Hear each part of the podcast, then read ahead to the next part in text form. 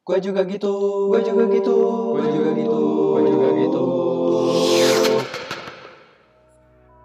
Gimana gimana? Udah bosen belum dengerin intronya? Semoga enggak ya, karena kan gue juga gitu berusaha relate sama kalian. Kalau nggak relate pun nggak apa-apa, semoga tetap memberkati. Yang penting kita semakin mengenal siapa Tuhan kita, Tuhan Yesus. Kali ini di episode 4 kita khusus membahas mengenai self-worth. Teman-teman perhatiin beberapa kalimat ini. Menurut gue, lo tuh pinter banget sih. Diajak ngobrol apa aja, sama siapa aja, bisa nyambung banget. Kalau bagi gue, tiap ngumpul nggak ada lo sih kurang banget. Asli. Karena lo kocak banget. Gila sih lo, udah cakep, asik, rajin ke gereja, baik banget, pinter pula. Wah, kalau dipuji gini siapa yang gak seneng ya? Pasti semua orang seneng dipuji kayak gitu. Tapi gimana ya, kalau semua orang di sekeliling kita mendapat pujian kayak gitu kecuali kita? Kira-kira bakal minder gak ya?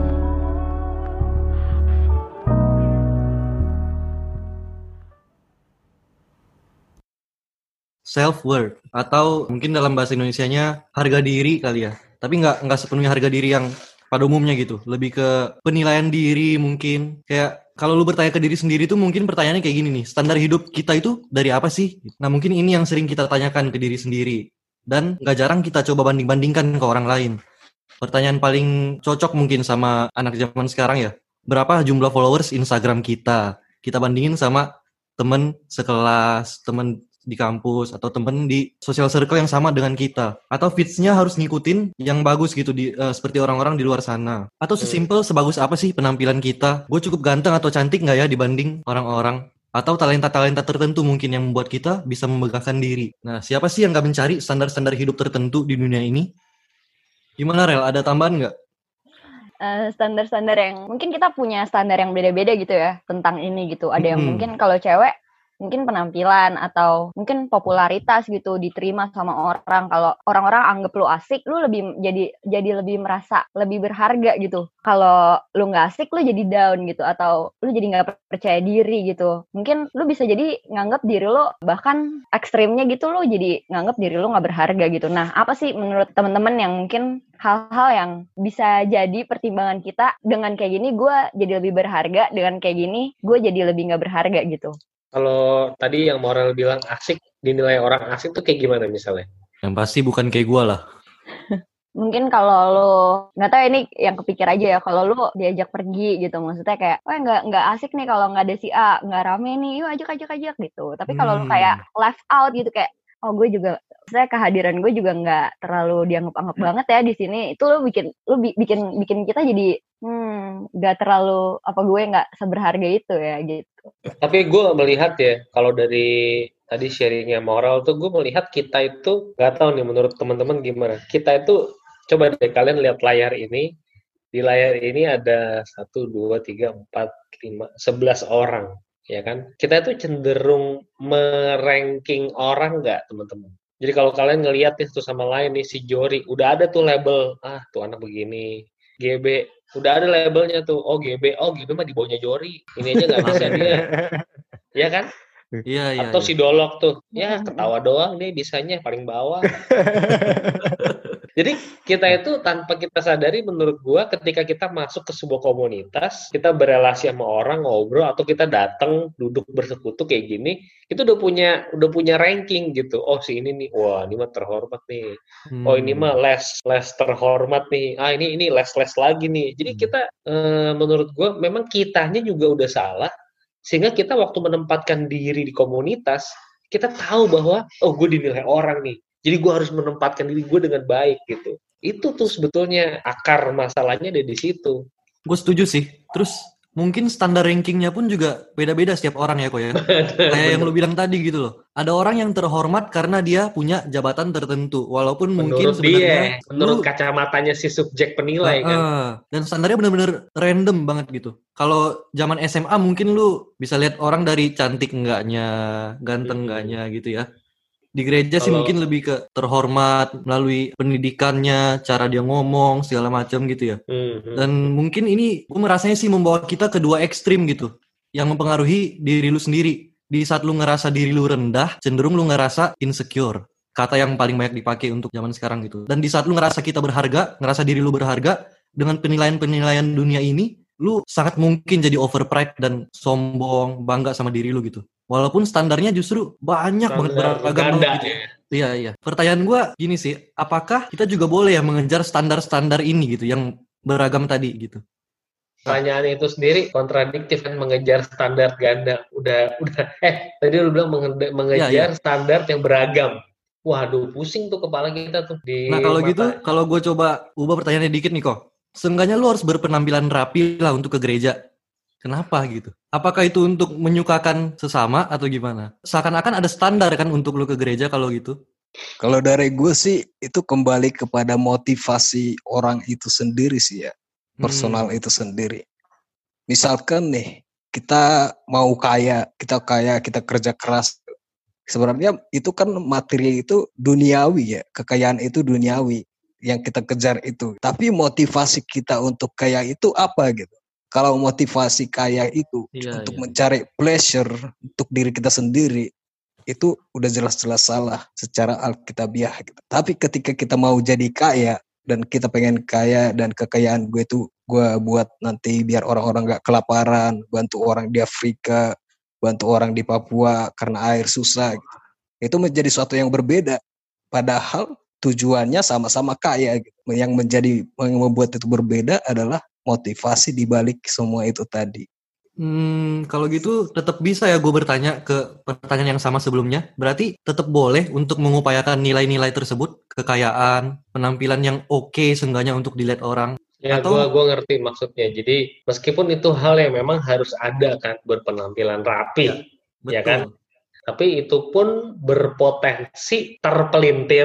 Jadi kita malah mengagungkan penampilan kita, gitu kan maksud lu Wen? Nah itu dia masuk ke motivasi tadi. Kalau kita berpenampilan rapi, biar gua bisa dihargai orang, itu bisa menjadi dosa. Karena kita itu pride kan, kebanggaan diri sendiri. Tapi kalau gua berpan- berpenampilan rapi, supaya orang lain tidak terganggu dengan visual gua gitu. Mereka tidak punya dampak pandangan negatif dari pakaian gua misalnya. Misalnya ada orang yang berpakaian you can see ke gereja gitu kan. Berpakaian mewah pakai emas berbaju jirah gitu kan. Secara tidak langsung Baju orang bakal ter- Itu Tokoh keselamatan, perisai iman. baju jirahnya dari Pedang emas loh baju jirahnya dari emas dia mau pamer maksudnya gitu kan. Dia Iya, rapi. Tapi motivasi di balik itu tadi itu buat pride gitu tapi kalau motivasinya adalah buat supaya orang lain tidak terganggu supaya orang lain tidak berpikir negatif terhadap apa yang mereka lihat di diri gue. Menurut gue itu sangat baik. Gue berpakaian rapi biar nggak ada dampak negatif, biar orang lain tidak merasa terganggu. Misalkan kita pakai wangi-wangian gitu kan, mau ke gereja. Mm-mm. Kalau tujuannya biar gua biar mereka cium parfum gua harganya 10 juta gitu. itu kan jadi negatif banget itu. Tapi kalau tujuannya adalah biar orang lain hidungnya tidak terganggu dengan bau yang tidak enak gitu kan. Waktu ada ibadah, waktu melaksanakan ibadah.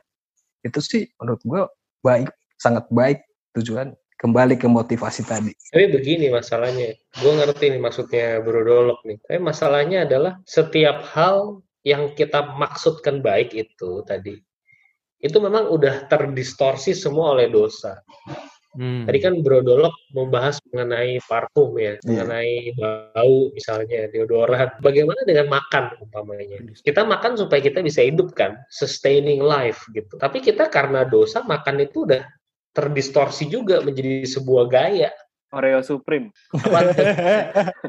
Oreo Supreme. Oreo harganya 500 ribu, 3 biji. Itu orang-orang beli cuma buat foto di Instagram gitu. Nah, Harganya tuh nggak worth it buat tiga keping Oreo yang lu bisa dapat. Waduh gila. iya iya gue ngerti. Tapi kalau lu foto itu prestisius banget kan gitu. Betul. Mungkin tengahnya emas kali ya. Enggak. Jadi maksud gue kalau yang kayak Bro Dolok bilang soal motif soal motif, jadi semua hal itu bisa berantakan akhirnya. Makanan lu bisa salah gunakan, baju atau parfum lu bisa salah gunakan, rumah juga lu bisa salah gunakan. Rumah yang untuk kebutuhan dasar lu malah jadi bermewah ria di sana. Gue baru tahu ya Oreo Supreme. gue punya pengalaman gini. Jadi gue punya sahabat nih. Waktu gue lulus kuliah, gue kerja gitu kan. Dia mau lanjut S2, tapi masih nunggu gitu berapa bulan. Tapi gue yang baru lulus, gue langsung kerja gitu. Gue kadang main ke rumah dia, orang tuanya tuh kayak, wah hebat ya Tama langsung kerja gitu. Gue langsung merasa diri gue di atas sahabat gue ini. Tapi sekarang kebalik gitu. Gue lagi S2, teman gue langsung dapat kerja nih sekarang. Tapi malah kebalik jadinya. Gue merasa kayaknya gue butuh S2 gitu. Tapi sekarang rasanya dia yang udah bekerja di atas gue sekarang gitu jadinya. Jadi mungkin standarnya apa ya? Gue ingin mengejar, awalnya gue yang bangga dengan status gue yang kerja, tapi sekarang kayaknya gue pendidikan jadinya buat gue lebih prestis gitu dibanding dengan pekerjaan gitu. gue jadi mikir kalau misalnya kita udah merasakan self worth kita dihargai orang kan kita berarti merasakan memiliki value kan diri kita kan Hmm. lama kita jadi makin lama tuh kita mau lebih lebih sehingga kita menaikkan self worth lama kelamaan makin tinggi gitu Nah iya, kayaknya gue merasa seperti itu tuh Jor. Kayak nggak ada nggak ada puasnya gitu diri gue gitu. Kita merasakan terus kita mikir oh wah nggak nyangka nyangka gue bakal dihargai tapi nanti lama-lama kita menjadi terbiasa kurang puas nanti naikin lagi levelnya gitu jadi worthnya kita naikin diri secara diri sendiri gitu Iya, kalau gue kerja gitu kan mencari sesuap nasi dan segenggam berlian gitu. Hmm. Sekarang lu bener-bener nyari sesuap nasi lagi corona begini. iya. itu sebenarnya ya menurut gue jokes masyarakat umum yang ya sekarang Tuhan lagi tunggang balikan semuanya. Kenapa ya kita punya word itu kita value kita itu kita mau terus naikin. What are we aiming for? Cie. Memang sejak awal kita itu pengen jadi Tuhan Wah. gitu. Ya kita ngulangin lagi lah cerita kejadian bahwa manusia itu nggak percaya bahwa Tuhan baik gitu kan. Jadi kalau manusia nggak percaya bahwa Tuhan baik, di pikiran dia ya Tuhan itu jahat. Ya, itulah sebab manusia tidak mau mengikuti firman-Nya karena dia merasa orang jahat ngapain gue ikutin. Gua yang baik. Nah, pada saat value-nya itu udah kebalik, udah deh. Itu tinggal butuh waktu aja buat dia jatuh. Mungkin kalau di firman Tuhan itu dibahas di kisah Menara Babel kali ya. Kita semua em, Benar. membangun menara kita masing-masing. Dan gue meresponi Tama, ya kita kayak tadi di podcast ini bahas cowok punya areanya sendiri, cewek punya areanya sendiri, di mana pengakuan itu akan lebih berasa. Kalau misalkan cewek di penampilan atau keterampilan keterampilan gitu, kalau cowok di pencapaian, eh, achievement atau dia punya pekerjaan yang baik, bisnis yang baik, itu menara kita tuh, itu menara Babel yang sampai sekarang juga ternyata dosa yang terjadi di menara Babel masih terjadi gitu. Tapi menariknya di Menara Babel itu kan bahasa di chaosin terus jadi collapse semuanya. Kita juga sebenarnya be- demikian begitu kita bangun menara setinggi-tingginya terus pekerjaan bagus, bisnis bagus, penampilan oke. Terus tiba-tiba misalkan hmm, cewek amit-amit penyakit strike gitu. Muka kenapa gitu atau badan tiba-tiba bengkak kenapa? Pekerjaan tiba-tiba collapse gara-gara corona. Udah kita menara kita hancur gitu. Kita mungkin akan mencari striving for more lagi. Kita akan bangun menara yang lain lagi misalkan kalau bisnis sudah oke terus nggak diakui, kita akan cari cara untuk menara itu terbangun kembali. Nggak tahu, gue merasa pola dosa self-worth ini begitu terus tuh. Jadi kita mendasarkan worth kita di atas dasar yang terus-menerus berubah karena dasar di dunia juga emang beragam-ragam dan berubah-berubah gitu. Ya, gue sih jujur jadi teringat lagi perenungan gue beberapa waktu yang lalu. Waktu itu kan di bulan Mei akhir itu kita kehilangan seorang apologet Kristen yang besar, Raffi Zacharias.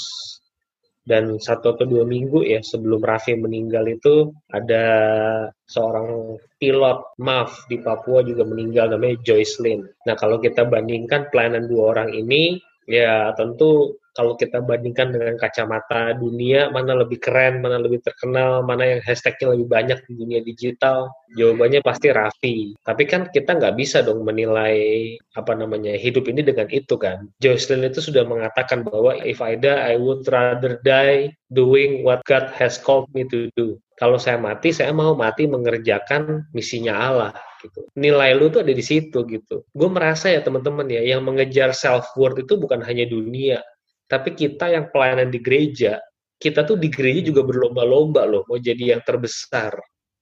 mau jadi yang terkeren di gereja. Nah itu tuh menurut gua nggak bisa kayak gitu gitu. Jocelyn itu kan seorang pilot yang cerdas, lulusan MIT, S2, tapi terus dia dipanggil Tuhan, dia masuk ke Gordon Conwell, dapat MDiv, dan dia masuk ke pelayanan misi di Papua. Ini menurut gua ini juga sesuatu yang mulia gitu. Orang Papua nggak bakal nangis Raffi mati. Mereka nangis karena si Jocelyn mati. Jadi masing-masing orang itu punya tracknya masing-masing. Ya, ayo kita jalan di tracknya itu. Jangan kita uh, mikirin tracknya orang. Dan kita bisa menggunakan kekristenan, gereja, pelayanan sebagai sarana untuk membesarkan nama kita. Wah hati-hati banget nih kita memakai Tuhan loh untuk membesarkan nama kita gila banget pusing pala gue jadi mikirnya. Itu perlu ditekankan lagi tuh kok. Yang Liu bilang tadi, kita jangan memakai tracknya orang gitu kan. Karena belum tentu tracknya orang itu sesuai sama uh, sama ini uh, equipment kita gitu kan. Mungkin talenta orang itu ada di misalnya kayak situ tadi Raffi Jagarias di khotbah pelayanannya di di Amerika gitu. Kalau kayak Jocelyn tadi pelayanannya ke pelosok gitu kan. Mungkin tracknya dia beda, tapi jangan sampai kita membuat mengartikan maknanya itu buat diri kita sendiri gitu jangan sampai mengalah mengalah artikan gitu, gitu. Gue jadi coba sambungin gitu apa yang GB ngomong sama Ko Indra ngomong tentang Menara Babel ini. Gue rasa sebahaya itu loh, bukan cuma kalau GB ngomong kita mengejar uh, kita membuat Menara Babel kita masing-masing gitu. Bukan cuma dari karir, lu juga coba bangun penampilan lu, ekonomi yang stabil dan lain-lain yang bahaya menurut gua di saat lu mulai juga membangun menara Babel untuk ketemu Tuhan gitu. Yang jelas adalah salah gitu kan. Lu nggak bisa ketemu Tuhan karena lu punya menara gitu. Karena lu semakin tinggi, bukan itu cara lu untuk ketemu Tuhan gitu. Gua tuh di kampus suka dipuji lah ya bilangnya sama teman-teman gua suka muji gua kalau gua orangnya baik gitu. Apa ya pujian itu tuh membuat gua ingin mempertahankan standar yang udah mereka punya di gua gitu. Dan ini menara Babel gua kalau gua boleh jujur gitu. Gua berusaha terlihat baik di depan mereka supaya titel Wendrik adalah orang yang baik di lingkungan kampus itu tetap ada gitu. Nggak keganggu ya. Iya, dan nggak jarang loh ini juga apa ya berkaitan sama iman Kristiani gue gitu. Gue gue coba berpikir positif, oh nggak apa-apa lah, gue tetap jaga kebaikan gue ini. Toh siapa tahu dengan kebaikan gue ini mereka bisa lihat Kristus seenggaknya dari apa yang gue tampilkan gitu. Tapi ya itu selalu ada tension di mana gue ngerasa berbuat baik menjaga image baik ini baik dan kesombongan ini terus menerus ada di dalam diri gue gitu. Untuk menjaga titel Wendrik orang baik ini. Mungkin yang buat gue penasaran sekarang nih atau jangan-jangan pujian itu sendiri adalah salah ya? Karena entah kenapa gue berpikir lu memberi pujian kepada seseorang kayak yang tadi Jori juga sharing membuat lu punya standar dan apa ya menginginkan lebih gitu dari apa yang udah lu pernah dipuji itu. Atau jangan-jangan lu nggak perlu muji orang. Itu itu encourage lu buat lebih berfokus ke itu gitu kan sesuatu yang positif ya. di dalam diri lu itu gitu kan. Jadi motivasinya beda dong. Kalau Kayak... menurut gue ini tension lagi-lagi. Memuji harus nggak? Harus lah menurut gue kalau lu bagus lu jujur. Wah kita seneng banget sama orang kayak gitu gitu kan. Hmm. tapi bahkan kejujuran dan integritas serta spiritualitas itu bisa dikomersialisasikan oleh oleh kita bukan untuk mendapatkan uang tapi untuk mendapatkan reputasi nah itulah farisi teman-teman mereka mengkomersialisasikan spiritualitas mereka ritualitasnya ditonjolin, kasih tahu ke mana-mana. Ya mereka jadi menaruh self worth itu di dalam Tuhan. Wah tuh gila tuh pusing banget ya. Lu menaruh self worth dalam ritualitas gitu. Gimana ceritanya? Tapi lu bener-bener berdosa tuh berarti. Lu bener-bener berdosa. Pakai Tuhan lagi. iya kita makanya gue juga jujur gue lagi bikin channel YouTube kan ikat 87 yang jadi pikiran gue juga sama aduh apa gue menggunakan ini juga ya hmm. tapi ini platform mesti digunakan seperti kita sekarang podcast podcast ya what iya. on earth am I podcast for ini kita di hmm. dunia ini mau podcast nih mau ngapain gitu ya gue sih berharap Tuhan menyucikan menguduskan percakapan ini bukan untuk follower bukan untuk yeah, yeah. nanti ada iklan dan kita dapat duit kalaupun itu ada ya itu bonus yang Tuhan berikan tapi tujuannya adalah menjangkau banyak orang jadi itu itu tension sih kalau menurut gue sih yang kita harus terus gumulin dan kita harus diskusikan saat ini supaya hmm. kita saling ngingetin. Gue kalau memang itu tension ya kok ya, gue ngerasa apakah pujian ini nggak bisa terlepas dari mencobai gitu? Karena di saat lu memuji dan tension itu muncul seakan-akan selalu berhubungan gitu mereka. Atau sebenarnya problemnya di kesombongan nggak sih kayak soalnya kan dosa yang paling susah, hmm. yang paling sulit untuk lo sadari kan kesombongan gitu. Justru ketika lo sadar lo lagi rendah hati kan lo lagi sombong gitu misalnya. Masalahnya mungkin di situ kemurnian hati kita tuh benar-benar diuji di situ kayaknya deh. Gimana? Gue tanya deh sama kalian, misalnya ada orang memuji kita nih, dia ngomong ini, eh gue mau ngomong sama lu tapi jangan sombong ya. Hmm. Udah, udah sombong duluan tuh gue. Gimana tuh menurut lu? Eh gue mau ngomong sama lu tapi lu jangan sombong. Gue Kira-kira kita bakal sombong kita bakal diem atau kita bakal eh ngomong, gue mau denger. Coba jawab aja pertanyaan gue barusan. Ya gue sih diem aja. Dalam hati mah Excited tetap. tenang, tenang. Eh, Mau ngomong apa Iya, nih Jadi orang ya? emang kita susah gitu. Hmm. Menurut gua natural aja, nggak apa-apa. Hmm. Kalau bagus pertanyaannya Wendrik, bisa nggak nih pujian ini dilepaskan dari ego kita? Menurut gua sulit. Hmm. Ibarat kata yang kita bahas di podcast yang lalu kan, eh gua mau kritik lu tapi jangan marah ya. Lah, apa lu mau ngomong apa lu? Gitu kan.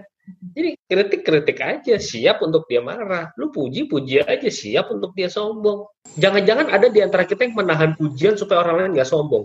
Gue juga kepikir gini, Hmm. soal pujian dan kita juga harus ngeliat di kan eh, ada yang namanya pujian gitu, ada juga yang namanya kritik gitu. Kita juga harus ngeliat eh, bentuk pujian dan kritik itu tuh sebagai sarana kita membangun gitu. Kenapa pentingnya sebuah komunitas? Gimana eh, kita bisa saling ingetin? Betul menurut Hmm. apa kata Koindra, kita natural aja gitu. Nah, gimana kita di dalam komunitas itu juga dibentuk gitu. Dalam pujian ya kita mungkin ada tuh pasti tuh rasa-rasa sombong. Cuma kan mungkin nanti juga ada lagi eh, satu masa di mana kita juga ada merasakan teguran gitu bahwa lu kok sombong sih gitu Wah. ya kita berproses lah untuk mencapai standar itu kan memang ya kita perlu bergumul lah perlu proses. Gitu sih yang gua pikir. Gua kita juga perlu ngelihat satu sisi bukan cuma soal pujiannya doang tapi soal kritiknya juga. Ya jadi benar juga tension ya. Iya, ini nih menarik nih, gue pengen mengembangkan. Jadi gini, kalau misalnya kita di komunitas kita ya, di antara kita nih yang hadir nih, terus kita tiba-tiba bilang gini, eh, gue mau kasih lu pujian, tapi lu jangan sombong ya, gitu kan.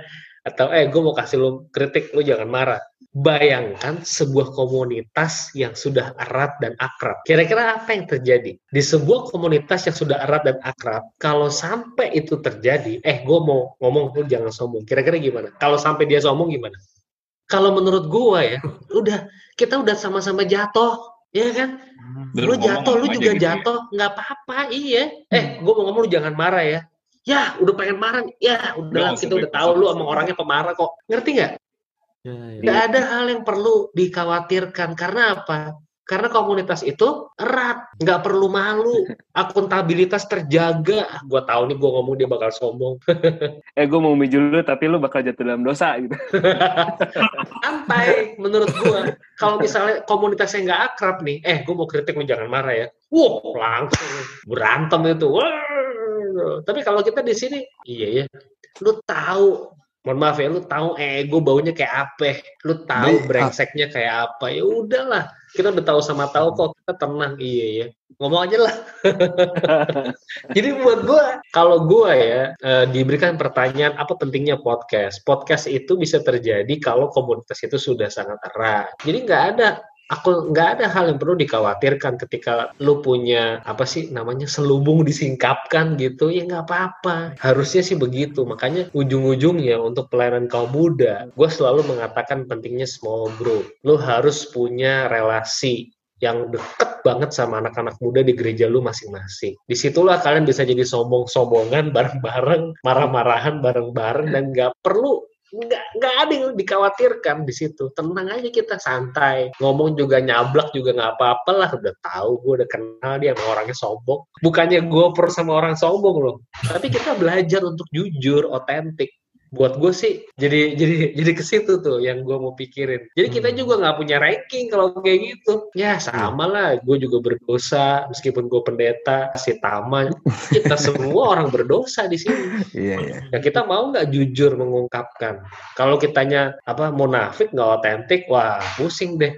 Bahkan untuk mengatakan kalimat eh gue mau ngomong tapi lu jangan marah. Kalimat itu pun tidak pernah berani diungkapkan. Waduh kalau sampai di komunitas itu terjadi betapa renggangnya hubungan antar person di komunitas itu. Nggak sehat pasti. Ngomong aja nggak berani. Jauh banget dah tahap pemulihannya. Tuhan bisa bekerja sih. Tapi menurut gue jauh. Teman-teman tapi gue kalau kita kan di pembahasan ini tadi dari tadi kita bahas di sisi yang overpride kalau tadi Wendrik eh, bahas. Tapi gimana dengan sisi yang insecure? Tadi kan kalau kita dipuji eh, menerima pujian word kita dianggap kita bisa over pride Hendrik bilang tadi kan di awal. Tapi gimana mereka Hmm. yang discourage karena nggak pernah menerima pujian atau jarang menerima pengakuan, terus jadi insecure atau mungkin mereka jadi nggak berani ngomong, nggak berani tampil gitu. Gimana dengan kondisi yang seperti itu tuh? Ya sebaiknya sih yang tadi gue bilang, kenapa ada orang sampai insecure nggak pernah dipuji itu salah loh kita teman-teman. Kalau menurut gue ya, makanya kita ah, takut nanti kalau misalnya muji dia ntar dia sombong, tadi kegeeran lagi gitu kan. Ntar kalau udah GR dia jadi sombong. Menurut gue, aduh itu itu bukan urusan lu gitu. Ada orang melakukan tugas performance-nya dengan baik. Ya ucapkan makasih ya. Hari ini lu MC bagus banget. Hari ini lu main pianonya, aduh gue seneng gue, gue thank you banget lu bisa kayak gitu. Berikan dong itu gitu loh. Kita tuh terbiasa jadi orang yang kalau bener diem, kalau salah baru ngomong. Makanya orang suka merasa takut gitu nggak berani jadi dirinya sendiri apa adanya karena memang budaya kita bu- seri- miskin sekali dengan apresiasi Iya, iya, dari setuju, banyak setuju. kritikan jadi kita harus ngomong loh ntar kalau dia sombong gimana salah tuh pertanyaan itu santai aja Pertanyaan baru nih. Kayaknya dari tadi pembahasan kita banyak ngomong ke komunitas yang lebih gerejawi gitu ya kok ya. Lebih in group dalam gereja gitu. Faktanya kita nggak cuma hidup sama ya ini orang-orang yang ada di podcast ini atau ya bener-bener orang yang ketemu di gereja secara reguler gitu. Apalagi kita yang ikut podcast ini mostly mahasiswa pemuda remaja lah ya yang punya banyak social circle di luar itu dan nggak semuanya mengutamakan kekudusan gitu. Yang gue bingungin sih, gue rasa kalau gue pribadi ya, di luar sana gue tetap mencari sesuatu gitu yang bisa gue bangun di luar komunitas Kristen, di, di luar komunitas bergereja. Contohnya dalam komunitas gue di perkuliahan gitu, gue punya geng sendiri yang isinya ya beberapa orang gitu. Dalam geng itu lu juga tetap susah juga nih ngungkapin dosa jadi kayaknya. ngomong aja Intinya, iya iya. Hmm, yang jadi pertanyaan gue tuh di saat lu mulai membangun babel lu tadi itu di sosial lu di luar gereja di lingkungan kampus contohnya dan itu cukup erat kaitannya sama mm, membanding-bandingkan mungkin ya. Gue mulai membangun sesuatu karena gue membandingkan sama temen kuliahan gue ini orang setiap hari berpakaiannya lebih oke dalam tanda kutip daripada gue gitu. Gue juga harus mungkin kayak gini untuk ya seenggaknya layak dipandang lah dalam lingkungan kampus gitu. Yang jadi pertanyaan gue karena dosa ini erat kaitannya dengan membanding-bandingkan, apakah sosial yang gue punya ini justru adalah variabel tetap gitu ya? Kalau misalnya gue nggak punya lingkungan di luar lingkungan gereja, gue nggak berteman sama lingkungan kampus gue, teman SMA gue, apakah gue akan tetap gitu ya mengupayakan self worth self worth ini? Di saat gue coba coba deh kalian bayangin hapus semua kehidupan sosial di luar gereja kalian gitu. Lingkungan SMA lu lu lupakan, lingkungan teman perkuliahan, lingkungan keluarga lu yang supaya lu menghindari diomongin tante lu lah, om lu yang jauh di sana gitu. Apakah lu akan tetap mengupayakan self worth kalau lu tinggal sendirian di jauh sana sampai lu nggak kedengeran lagi sama keluarga dan teman-teman lu, lu tet- tetap nggak ya mau pakai baju bagus, make up sebelum eh, belanja ke supermarket gitu. Di saat lu udah nggak punya lagi sosial, gue juga mikir kayak Wendrik sih kayak gue tuh mikir ya Hmm. dulu waktu gue SMA tuh gue apa ya gue tuh dulu kayak jerawatan terus pakai kacamata dan pakai behel tuh gue tapi waktu SMA tuh gue pede banget loh kayak yang ya udah gue pede lah ke sekolah kayak terus gue bahkan kayak ngomong di depan juga pede tapi gue pikir-pikir pas gue kuliah kayak Lo lebih Hmm. cantik kan? enggak justru pas kuliah enggak enggak real pas kuliah tuh gue justru jadi kayak lebih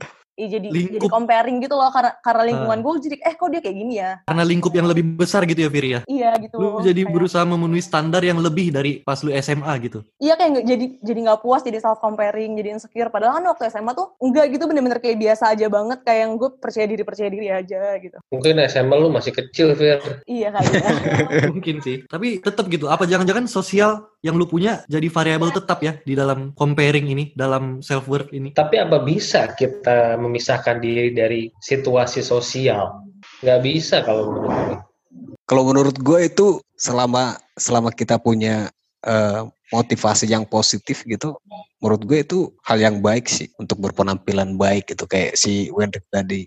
Kan itu tujuannya positif ya, buat terlihat lebih baik. Tapi jangan sampai itu kayak buat membanggakan diri gitu, buat menjadi tinggi hati. Nah itu Bang Dolok yang gue bilang tadi itu susah menurut gue. Lu pakai parfum, lu pakai baju, lu makan, lu punya rumah, lu punya mobil, lu punya motor, lu punya sepeda, lu punya semuanya itu hal-hal yang biasa. Tapi itu bisa apa ya? Karena insting kita tuh insting binatang yang berdosa, gambar dan rupa Allah rusak dalam diri kita sehingga kita tuh cenderung menyalahgunakan itu gitu. Nah, hal yang menarik kok, beruntungnya kita orang Kristen, kita punya Yesus Kristus sebagai uh, buat berefleksi hidup kita gitu. Hmm. Bagaimana Yesus Kristus itu sendiri yang punya sebegitu banyak kemuliaan di sorga gitu, merendahkan dirinya. Harusnya kita manusia juga dia sebagai contoh utama panutan hidup kita lah. Kita harus merendahkan diri. Banyak banget yang yang sangat perlu kita rubah di dalam diri kita semakin kita semakin kita menggumuli kitab Injil itu sendiri. Iya, Nah, itu beruntungnya- kalimatnya Bang Dolok itu bottom line podcast kita hari ini. beruntungnya kita di situ tuh kita punya panutan yang sangat sangat perfect lah sangat sempurna gitu buat dijadukan standar hidup kita Tadi yang apa Wendrik bilang tentang hubungan sosial manusia jadi variabel tetap. Masalahnya itu kan yang Ko Indra bilang tadi, itu akan tetap ada. Bahkan Tuhan itu menciptakan kita sebagai makhluk sosial gitu kan. Dan memang pada akhirnya balik ke yang awal, pujian pun tidak teralahkan gitu. Bahkan itu menurut gua adalah sesuatu yang sangat natural berarti pujian itu. Tuhan pun pada saat menciptakan manusia dia memuji kan, sungguh amat baik. Tapi kita di sini variabel tetapnya apa? Variabel tetapnya dosa. Jadi kita nggak bisa ngelihat sesuatu yang diciptakan baik itu sebagai sesuatu yang baik. Sekarang aja kita kesusahan kan untuk bilang kayak kita nggak bayangin gini pujian aja buat kita sesuatu yang buruk gitu loh jadinya kita nggak nggak bisa ngebayangin suatu reaksi terhadap pujian tuh yang bagus kayak gimana tapi Tuhan Yesus, Tuhan Yesus dipuji. Tapi dia bisa merespon itu dengan sangat baik gitu. Sehingga nama Bapa dipermuliakan justru melalui kita memuji Yesus. Sebenarnya kejadiannya sama gak sih mestinya dengan kita? Kalau kita bisa meresponi pujian dengan baik dan bisa memuji dengan baik, justru nama Bapa itu semakin dipermuliakan. Gue bisa memberikan satu ilustrasi nih, David. Gue pernah diginin sama seorang pendeta ya. Coba bayangin, gue dipuji orang. Eh, pendeta Indra khotbahnya bagus. Si pendeta senior ini kayaknya mau mencobai gue, gue rasa. Dia nanya sama gue, Indra, kalau ada orang puji kamu, bilang khotbah kamu bagus, kamu jawab apa? Gue dengan spontan menjawab, gue bilang terima kasih pak. Terus dia bingung si pendeta ini, gue jawab kayak gitu. Gue juga jadi bingung kan ngelihat dia bingung. Emang bapak ekspektasinya saya jawab apa? Tahu nggak dia bilang apa? Biasanya pendeta kalau dipuji khotbahnya bagus, kata dia akan menjawab nggak seberapa. lucu ya Ya gue gue nginget ini pas memoriamnya si Raffi itu si Ah. siapa namanya yang khotbah terakhir Louis Giglio. Raffi bilang ke dia tolong jangan bikin tribut ini tentang gue gitu kan pokoknya ini tentang Yesus gitu yang dia bilang cuman si Louis Giglio sendiri bilang gak bisa ini pasti gue akan ngomongin tentang lu gitu saat si Louis Giglio memuliakan si Raffi gitu ya seolah-olah malahan kita jadinya memuliakan Tuhan gitu gara-gara ngelihat si Raffi Hmm, kenapa bisa begitu? mungkin dia nggak bilang kayak nggak seberapa kan Karena dia adalah orang yang humble menurut gua. Iya. Hmm. Jadi kesimpulannya emang kalau gue coba tarik lagi yang sebelumnya tadi, ya emang dosa itu jadi variabel tetap sehingga lu udah nggak tahu pujian itu sebenarnya apa sih. Sedangkan Allah aja adalah Allah yang layak kita puji gitu. Jadi bukan karena sosial ini yang variabel tetap, tapi dosa itu mendistorsi yang tadi Ko Indra bilang eh, pemahaman kita tentang pujian gua rasa ya. Gue jadi mikir gini loh kok. Mungkin ini lebih ke peng- pengalaman pribadi gua. Kenapa ya gue ngerasa kalangan baby boomers, ibu-ibu di gereja lah, lebih cenderung mereka di saat terima pujian atau apa untuk ngomong, oh iya ya puji Tuhan gitu. Di saat mereka terima pujian atau mau menyampaikan suatu pujian gitu. Gue rasa ya perihal berespon pun dalam pujian kita juga perlu ngecek loh. Di saat kita nolak saat gue dibilang khotbah gue baik gitu. Berarti gue nolak pujian yang harusnya bisa dilayangkan kepada pencipta gue gitu. Jadi ya harusnya mungkin respon terbaik menurut gue ya di saat lu dipuji ya adalah ya puji Tuhan lah gitu. Gue bisa ngomong terima kasih karena dulu pun gue mengambil pujian itu buat diri gue. Jadi gue udah sadar, oh iya ya, kok gue begitu ya. Dan akhirnya kemarin di tahun 2014 itu gue disuruh tulis refleksi kan. Gue mulai sadar satu hal bahwa kalau jemaat itu memuji gue, yang dia puji itu sebenarnya siapa? Tuhan. Tuhan. Kalau jemaat itu mengkritik gua, ya gue juga merasa yang dia nggak suka sebenarnya adalah Tuhan. Bukan berarti gua ngeles dari kelemahan pribadi gue ya.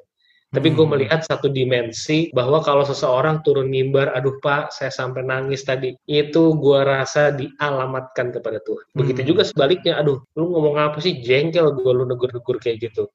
Nah, itu bisa jadi juga dialamatkan kepada Iya. Berarti di saat lu dibilang eh lu kurusan ya nggak boleh bilang bajunya kegedean loh Kurang aja lu, Wen.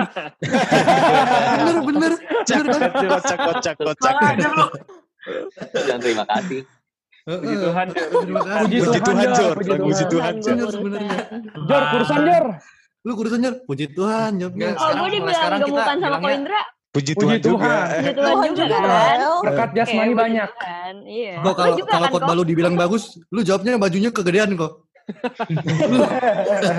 Tuhan Besok-besok kegedean. puji si Jori bilangnya jangan dia kurusan, baju lu kegedean Jor gitu. Iya gue kurusan gitu. Gue pikir satu hal gini sih guys. Kayaknya ini soal gimana kita memposisikan diri kita gitu loh. Di mana Tuhan tuh sebagai Tuhan ya kita tuh sebagai hamba. Di mana kalau misalnya yang baik itu ya itu pasti buat Tuhan gitu. Kalau misalnya ada kritikan atau ada misalnya lu dibilang jelek atau apa gitu, itu maksudnya ini ya dalam konteks kayak lu melakukan satu hal yang buruk gitu. Itu menurut gue ya itu kesalahan lo gitu, bukan salah Tuhan. Soal Ya, itu. ranking tadi, gimana positioningnya sih? Gimana kita memposisikan Tuhan pada tempat yang se- seharusnya dan posisi kita gitu sebagai siapa gitu, sebagai hamba gitu kan harus.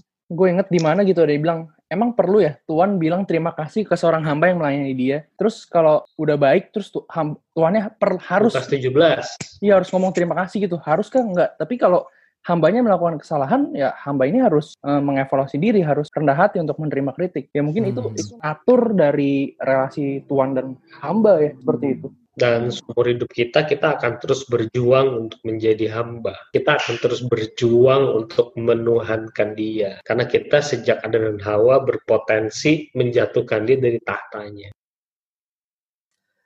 Oke, eh, teman-teman, kita udah cukup lama sih ini ya, dan gua rasa gue sendiri pun terberkati gitu. Diskusi kita sangat kaya, walaupun mungkin bahas topik yang spektrumnya nggak lebih ke self worth dan kesombongan, tapi ternyata bisa sedalam ini gitu, lebih ke hamba, eh, mem- gimana memposisikan diri kita sebagai hamba dan Tuhan tetap adalah Tuhan. Mungkin sebelum gua simpulkan semuanya, ada teman-teman atau dari Koindra sendiri mau kasih beberapa kalimat penutup untuk kita? Ya, yang gue pribadi jadi terkesan ya dengan percakapan kita tadi adalah ya kita sebagai anak-anak Tuhan di gereja kita bisa berpotensi saling menjatuhkan satu sama lain untuk mengejar siapa yang lebih rohani. Teman-teman harus baca Filipi 1 kalau mau mendalami hal ini. Di situ Paulus mengatakan ada penginjil-penginjil ya atau hamba-hamba Tuhan atau atau rasul palsu yang memberitakan Injil tidak dengan motif yang murni. Sangkanya pelayanan mereka memberatkan hatiku. Injil itu harus diberitakan baik dengan maksud yang murni ataupun yang tidak murni. Ah, gue baca itu gue terharu banget. Gue sebagai hamba Tuhan juga punya keinginan untuk lebih dihormati daripada hamba Tuhan yang lain. Jadi ya mari kita yang di gereja lebih hati-hati berkali-kali lipat. Karena kita menggunakan instrumen spiritualitas untuk membesarkan eh, nilai diri kita. Jadi gue malah apa ya jadi aware sih malam ini dari diskusi kita kita yang di gereja potensi sombongnya waduh nggak kalah dah sama orang dunia dahsyat itu sih yang gue harap kita di sini sama-sama bisa mawas diri mungkin itu kalau dari gue yang paling berkesan dari percakapan kita hampir satu jam ini kemarin sempat ngobrol juga kan maksudnya persiapan ini sama Wendrik dan arahnya jadi sebenarnya kalau ditanya bernilai atau enggak ya kita sebagai manusia memang nggak bernilai gitu. Maksudnya kita nggak bisa mencoba buat menghibur diri nggak apa-apa lo tuh bernilai gitu nggak apa-apa lo tuh lo bernilai gitu di mata Tuhan gitu. Pada dasarnya kita ini debu gitu kan yang membuat kita bernilai ya bukan bukan kebernilaian debu itu gitu tapi Yesus Kristus melihat lo sebagai sesuatu yang bernilai dan Tuhan sendiri itu mau gitu mati buat kita orang-orang yang gak bernilai makanya mungkin itu yang membuat kita bernilai gitu itu yang menentukan nilai kita gitu Iya benar banget Maurel. Dari Galatia 1 ayat 10 akan gue bacakan. Jadi bagaimana sekarang? Adakah ku cari kesukaan manusia atau kesukaan Allah? Adakah ku coba berkenan kepada manusia? Sekiranya aku masih mau mencoba berkenan kepada manusia, maka aku bukanlah hamba Kristus. Gue rasa ini pesan yang dalam banget gitu. Di saat lu masih mencoba untuk berkenan kepada manusia, lu bukan hamba Kristus. Ya emang segala sesuatu yang kita cari, tadi kita di awal ngomongin apakah, apakah kita tetap perlu mengupayakan standar-standar tertentu, kekayaan segala macem. Ya lu tetap mencari itu untuk kesukaan Allah pada akhirnya gitu, bukan kesukaan manusia. Dan ayat tambahan dari Mazmur 147 ayat 10 sampai 11. Ia tidak suka kepada kegagahan kuda. Ia tidak senang kepada kaki laki-laki. Tuhan senang kepada orang-orang yang takut akan dia. Kepada orang-orang yang berharap akan kasih setianya. Dalam 1 Samuel 16 ayat 7, Tetapi berfirmanlah Tuhan kepada Samuel, janganlah pandang parasnya atau perawakan yang tinggi, sebab aku telah menolaknya. Bukan yang dilihat manusia yang dilihat Allah. Manusia melihat apa yang di depan mata, tetapi Tuhan melihat hati. Jadi ya, kembali kita diingatkan gitu bagaimana tetap yang perlu adalah hati kita untuk bisa devote segalanya untuk kemuliaan Allah gitu. Jadi, apakah kita layak di hadapan Tuhan kalau begitu? For sure, tidak. Tidak. Iya benar. dilayakkan. Kita dilayakkan itu dia. Gini teman-teman, mungkin kalian pernah dengar satu pandangan dunia ya.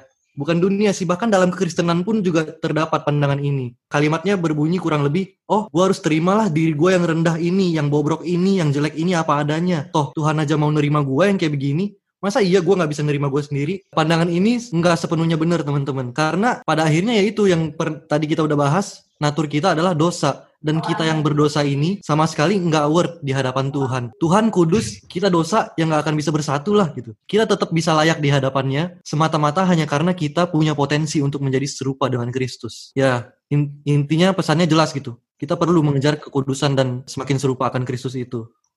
Tuhan tuh cinta kita apa adanya, tapi dia nggak terima kita apa adanya. Yuk kita doa. Tuhan kami adalah manusia berdosa.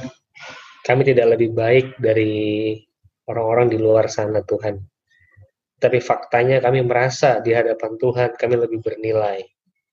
Kami lupa bahwa ada Yesus yang mati buat kami, datang ke dunia ini. Kami sama sekali nggak mengerti maknanya. Tuhan pada malam ini kami semua memohon kemurahan Tuhan, belas kasihan Tuhan. Ajarlah kami untuk rendah hati ya Tuhan. Hidup sebagaimana seorang hamba. Tidak lebih daripada itu. Berterima kasih dengan sungguh kepada Tuhan. Karena berkat kemurahan Tuhan begitu limpah ruah hidup kami. Kami berdoa setiap orang yang mendengar percakapan ini Tuhan boleh diberkati, merasakan Tuhan dan sungguh-sungguh bertumbuh spiritualitasnya. Kami naikkan doa ini di dalam nama Yesus, Juru Selamat dunia. Amin.